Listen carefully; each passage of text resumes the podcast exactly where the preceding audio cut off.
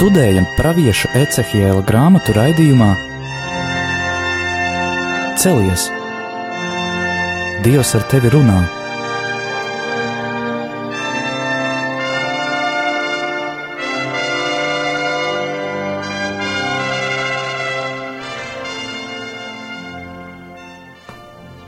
Slavēts Jēzus Kristus.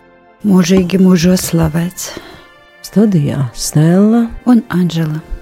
Kā arī šodien turpinam lasīt Ecihēla grāmatu un redzam, ka viņa ir saturā ļoti bagāta un ka to, saprotot šos vēsturiskos notikumus, kas bija arī ļoti reāli, mēs varam saprast arī to, kas notiek mūsdienu pasaulē, katrā sabiedrībā, kas notiek starp tautām, un tikpat labi visi šie uh, tēli ar iekarotājiem, faraoniem, kara vadoņiem un zobenu kaujām un nogalinātajiem attiecas arī uz katra iekšējo uh, dzīvi, jo Bībele vienmēr ir jālasa vairākos slāņos, un ja paliekam tikai pie tā burtiskā skaidrojuma, tad reizēm sāk likties, kas tad tur ir visādi koki, dzīvnieki, kas tad tur ir botāniskais dārzs vai zooparks,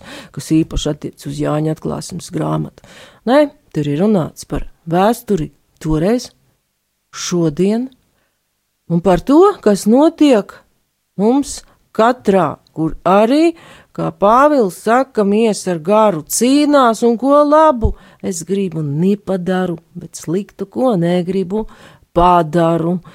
Un tā dažkārt notiek arī ļoti augstā līmenī, kad veselas tautas un valstis sāk paļauties uz savu spēku, uz varanu kaimiņu, kā tas bija arī ar izrēliešu paļaušanos uz Ēģipti Un, kā jau mēs iepriekšējās reizēs runājām par tīru un tās iekarošanu, par tautām, kas bija apkārt Izrēlim, kuru vairs šodien nav, un arī par Eģiptes ķēniņu, ko mēs pagājušreiz atradām, Nu, tur ir visi tie paši grēki, kuri arī pie mums bieži atrod mūsu prāta laidarā kārtīgu mājas vietu, jo nu, ir grūti dažkārt noturēties, nu, ienaidnieks ir iekūlies nepatikšanās, viņam slikti, vai cik labi.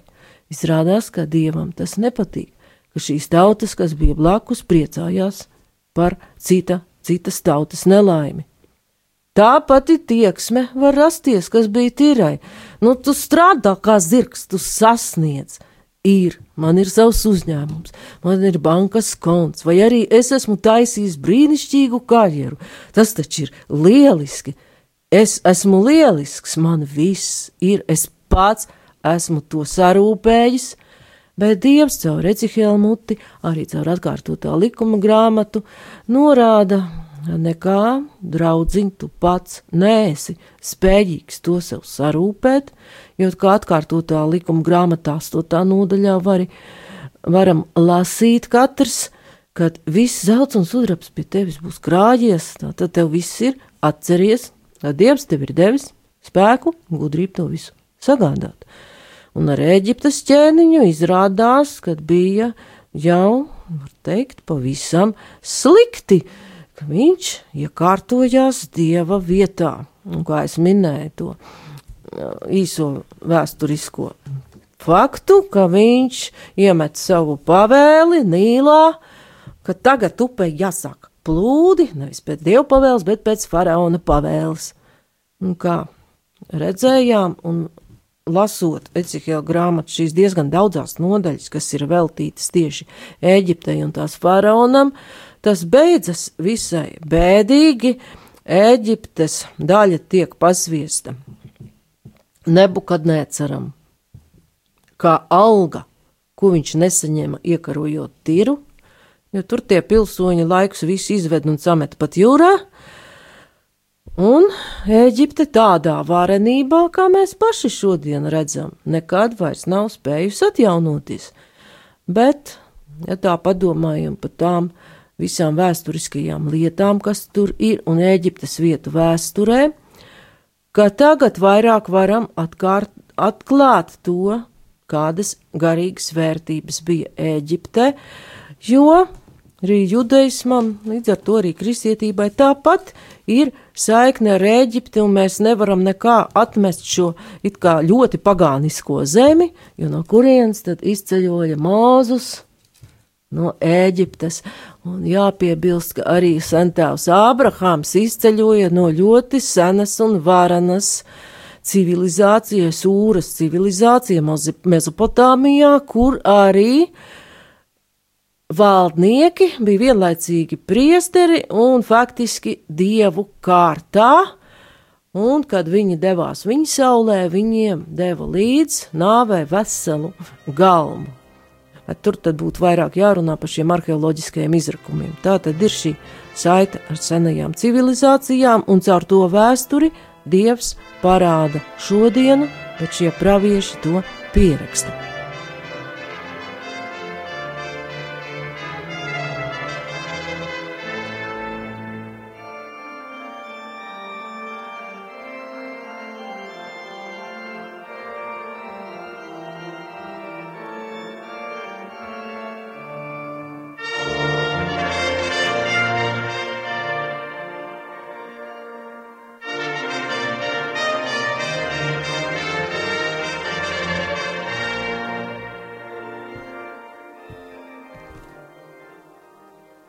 Un tagad pievērsīsimies 31. nodaļai Pravieša Čecihela grāmatā, un vēl varbūt izdosies nedaudz ieskatīties arī 33. jo 32. atkārto līdzīgu tekstu. Protams, ja mēs viņu sāktu analizēt, mēs tur atrastu milzīgas bagātības, bet mums nav šīs laika iespējas. 32. ir šī raudu dziesma par faraonu un Ēģipti, kad atkal Dievs uzdod pravietim just līdz tautas nelaimē, bet viņam kā svešas tautas, un arī tās valdniekam.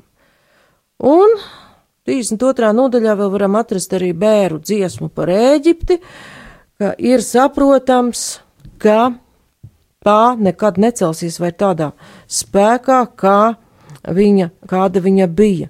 Un, ja mēs lasītu 32. nodaļu smalkāk, mēs atrastu, ka tur ir minēti arī visi tie iekarotāji, gan Asīrija, gan vēl dažādi citi, bet ka viņi arī tur ir attainoti kā tādi beigti un nokauti. Bet 31. nodaļā pravietim ir dots uzdevums runāt uz faraonu Eģiptes ķēniņu un viņa ļaudīm, kam tu līdzinies savā varenumā. Un te drusciņi ir tāda neliela maldīšanās, kā tur krievu valodā ir, tu biji līdzīgs. Jo ir krievu valodas tulkojumos, kur ir runa par asuru. Tā kā lūdzu, jā, izlasi, kā tur īsti bija. В одиннадцатом году, в третьем месяце, в первый день месяца, было ко мне слово Господне, Сын человеческий, скажи фараону, царю египетскому и народу его, кому ты равняешь себя величие твое. Вот Асур был кедр на Ливане, с красивыми ветвями и тенистою листвою, и высокий ростом. Вершина его находилась среди толстых сучьев. Paldies! Un atkal mēs redzam to, cik svarīgi ir tā knauzerīgā ņemšanās ap tulkojumiem. Un, kā jau varbūt iepriekš esmu teikusi, ka šis lielais Briseles izdevums Krievu valodā ir precīzs un kvalitatīvs, un pēc tā arī vairāk varam vadīties.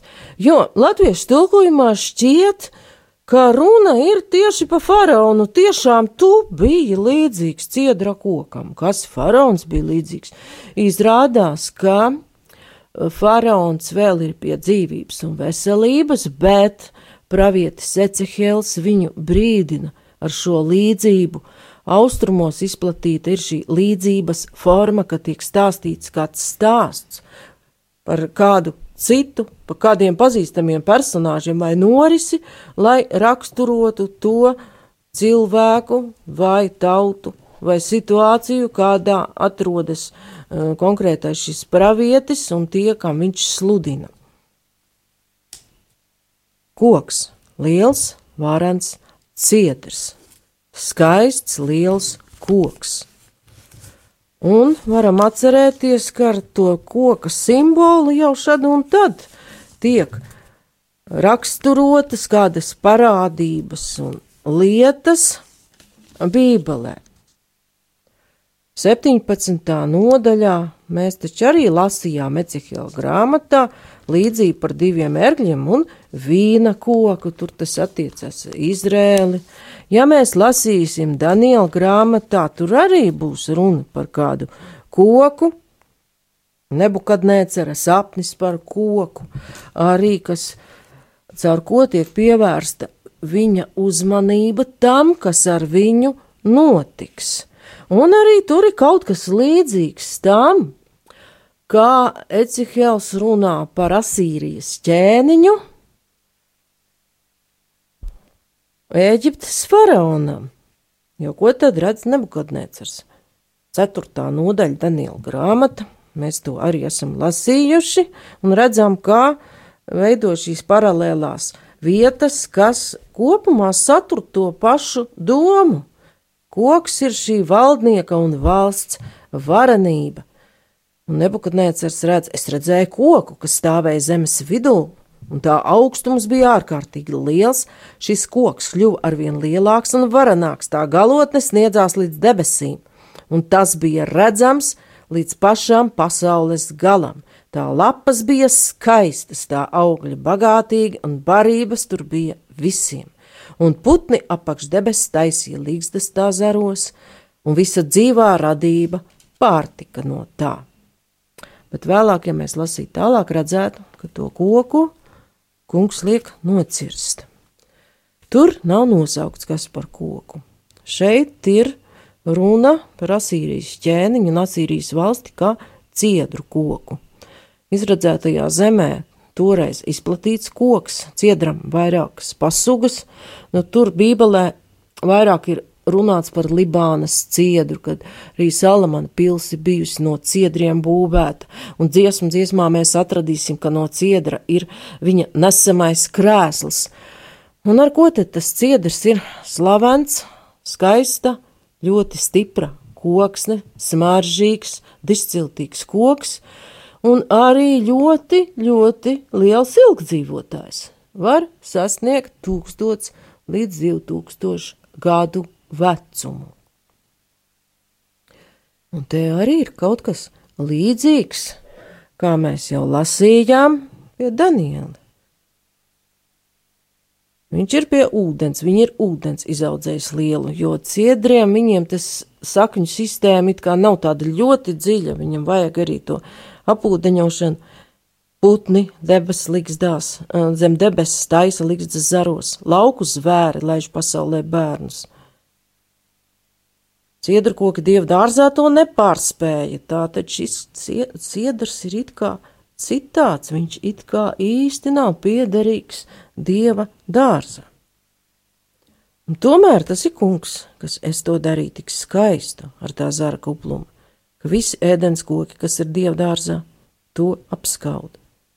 Bet desmitais pants jau parāda visu to pašu nelaimi, kas ir nebukadnēceram, un nu, no šīs līdzības varam saprast, kā ar šo nelaimes, nu, jeb kaiti, lepnuma kaiti sirkst arī Ēģiptes ķēniņš. Tādēļ tā saka Dievs tas kungs. Tāpēc ka tas tā izslējies augumā un ar savu galotni pacēlies līdz padebešiem, kā arī tā sirds uzpūtusies tā liela augstuma dēļ. Es to nodevu kādas varenas tautas rokā. Atstūmu ļaunprātības dēļ. Tā tad redzam, ka šis koks tiek atstumts, tāpēc, ka ir lepns un ļaunprātīgs. Arī Daniela grāmatā mēs to arī varam izlasīt. Uh, Par augstprātību, ak, ķēniņ, visaugstākais Dievs deva tavam tēvam nebukadneceram valsti, varenību, slāvu un godu, un šīs viņa dotās varenības dēļ visi ļaudis, ciltis un tautas drebēdami bijās no viņa. Viņš kāva, ko gribēja, un atstāja dzīvu, ko gribēja. Viņš paaugstināja ko gribēja, un gāza, ko gribēja, bet tad viņa prāts kļuva iedomīgs, viņa gars kļuva augstprātīgs, un lepns tādēļ viņu nogrūda no troņa, atņēma viņam valsti un slavu. Viņu padzina no cilvēku vidus, un prāts viņam kļuva kā dzīvniekam. Viņš mita pie meža zvēriem un ēda zāli kā vērsis, debesu rasa to slacīja, līdz viņš atzina, ka visaugstākais visaugstais valda par cilvēku valstīm. Viņš tas dod, kam grib. Paldies! Tā kā tas ir cits Daniela grāmatas fragments, kur jau ir runa ar, par citu ķēniņu. Ja es nekļūdos, tas ir Belzecars, kur vēlāk seko, kura nodaļa tā mums bija. Jā, tā kā tur jau bija vairāki ķēniņi Daniela grāmatā, un šeit atkal ir šis pats paņēmiens, ka tiek izstāstīta cita cilvēka vēsture, lai, jā, lai Belzacars saprastu, kādu kļūdu ir pieļāvis savā nostājā pret Dievu, arī pret savu valdīšanas uzdevumu.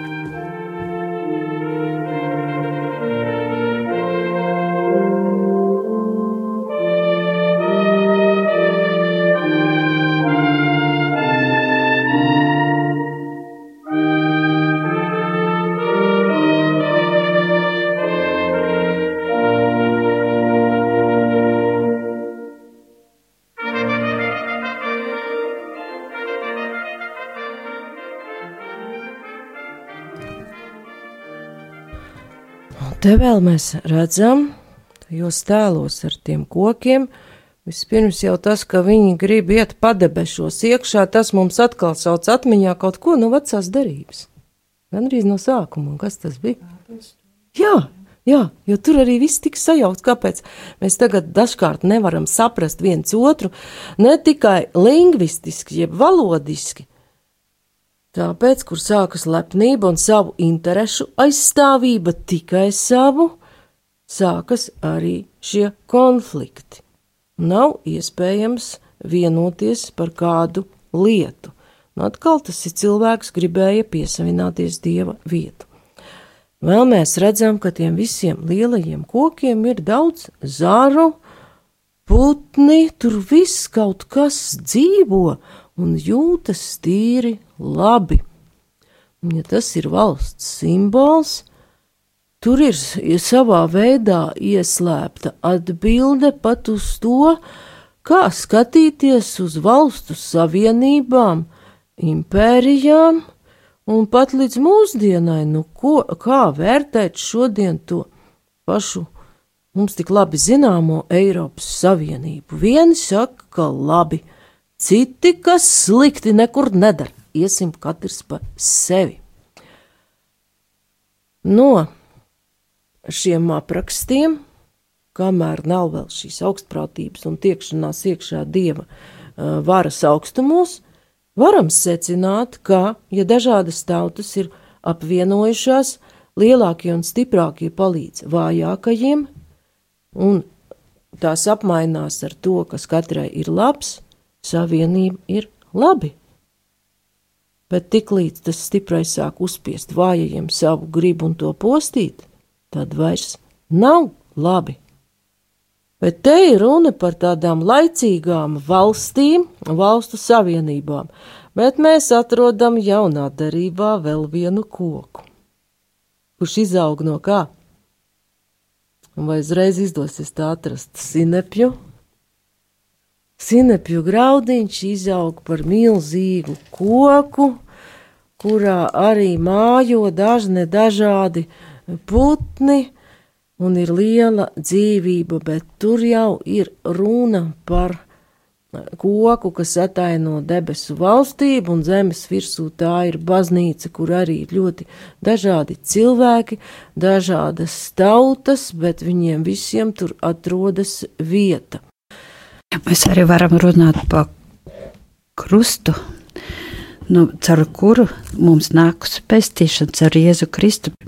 Nu, te jau ir, var teikt, Anģela ir tāds gandrīz baznīcas tēva līmeņa skaidrojums, ka viņa saskata šīs sinepju eh, graudiņa un no tā izaugušā koka dziļāko jēgu, ka tas ir šis krusts, no kura viss izaug, izaug baznīca, izaug šī vieta, kur cilvēki var mājot jau ar cerību uz debesu Jeruzalem.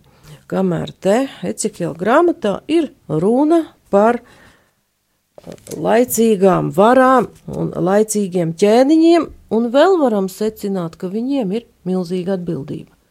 Jo tev ir lielāka vara, vairāk tautu ir tavā impērijā, jo tev ir lielāka atbildība par šiem cilvēkiem, kurus Dievs tev ir uzticējis.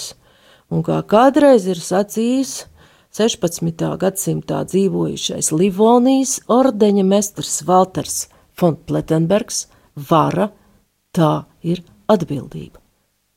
Bet te, acīm redzot, ir runa par Eģiptes ķēniņu, arī par Asīrijas ķēniņu, kuri varu īsti nebija novērtējuši kā dieva dāvanu, varētu teikt pat grūtu un bīstamu dāvanu, bet arī kā iespēju darīt citam labu. Un te redzam, ka koks tiek nogāzts, tautas aiziet no šī koka pavēņa un to atstāja.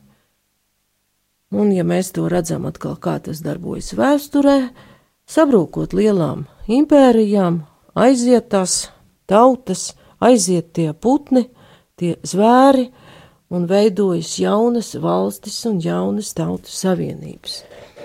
Un arī Pāvila vēst, pirmajā vēstulē korintiešiem mēs varam lasīt, šie notikumi ar viņiem bija zīmīgi, un tie rakstīti mums, lai mūs pamācītu, jo laiku beigas mūs ir sasniegušas. Paldies! Un tas ir, kā teikt, precīzi par to laiku, kurā dzīvojam. Un varētu teikt, tā ir uzruna tiem, kas patreiz ir pie valdīšanas un ir atbildīgi, vai viņi grib un var izpildīt to īso kritēriju, kas ir Mateja evaņģēlija 25. nodaļā, pabarot to pliko, aiziet pie tās slimā, apmeklēt to cilvēku cietumā, Un tas, kas viss tur ir teikts, ko Jēzus saka, jo izrādās, ka tas ir tā īstā varas parādīšana, un ka tas ir vienīgais kritērijs, pēc kura kungs tiesas dienā vērtēs gan to vienkāršo cilvēku ar minimālo algu, gan to bankas vadītāju ar milzīgu algu, gan to valdnieku, kas joprojām ir monarhs, sakot katru cilvēku, vai viņš nes laicīgu vai garīgu varu. Un varētu teikt, ka garīgai varai varētu būt lielāka atbildība.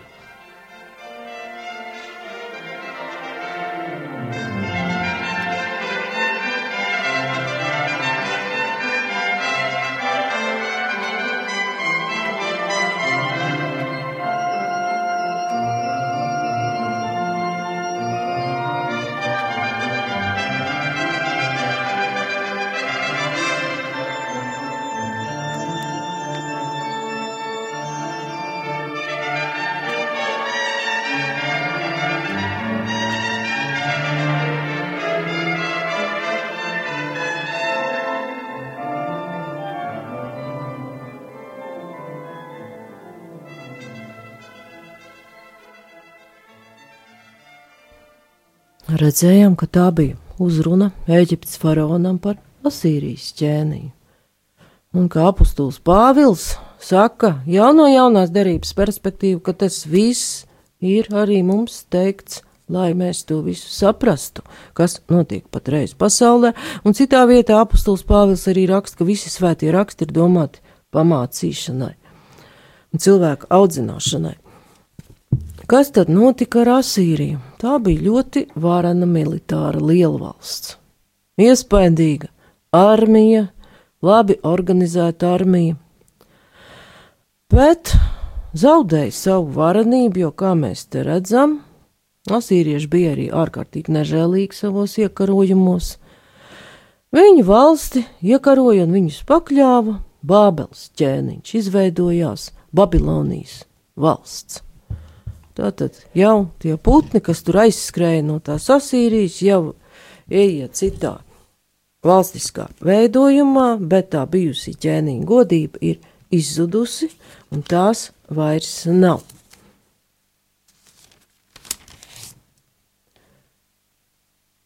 Un ko tad iesākt ar to nabaga tautu, kura izvesta trimdā, kuru paļāvās uz Ēģipti, redzam, ka ar Ēģiptes faraonu nekā, viņu sakoja Nebukadnēcers. 33. nodaļa par to atgādina.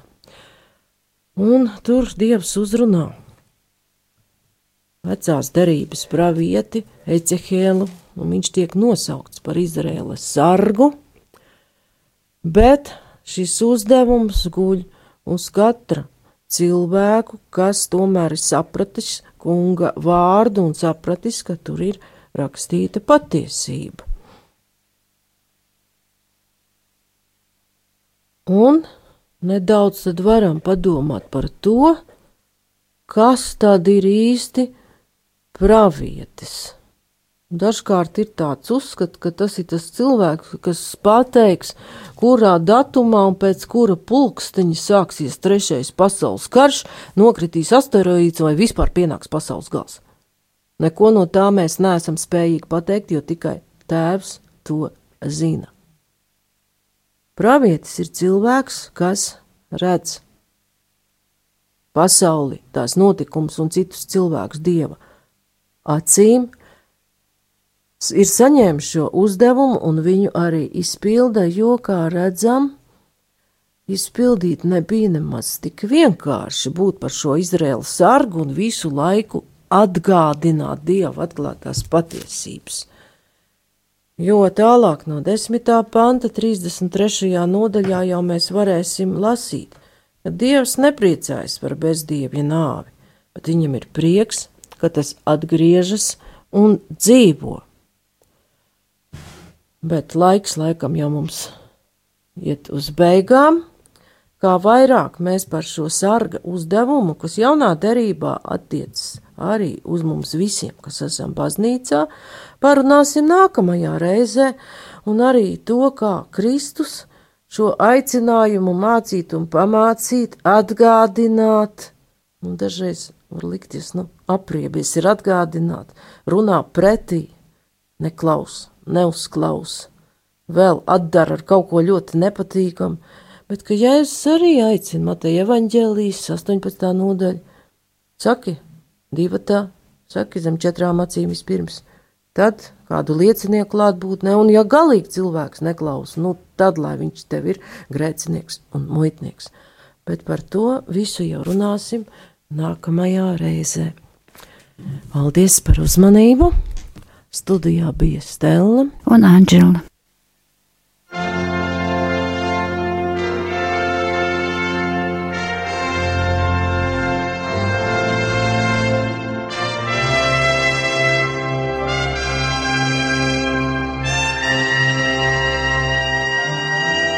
Izskanēja raidījums